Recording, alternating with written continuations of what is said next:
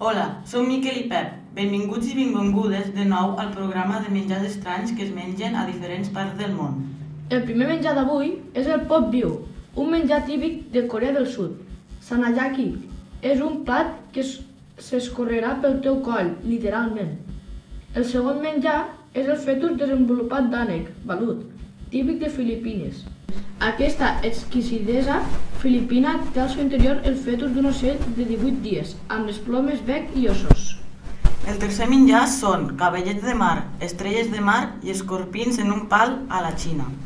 A la Xina és habitual servir el menjar en un pal, per això inclou els cabellets de mars i les precioses estrelles. L'últim menjar d'avui és el conill d'Índies al Perú.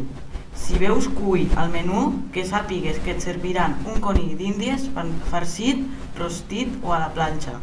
Així que no pensis en el teu conillet d'Índies. I fins aquí una altra vegada el nostre podcast. Moltes gràcies per escoltar-nos. Fins a una altra.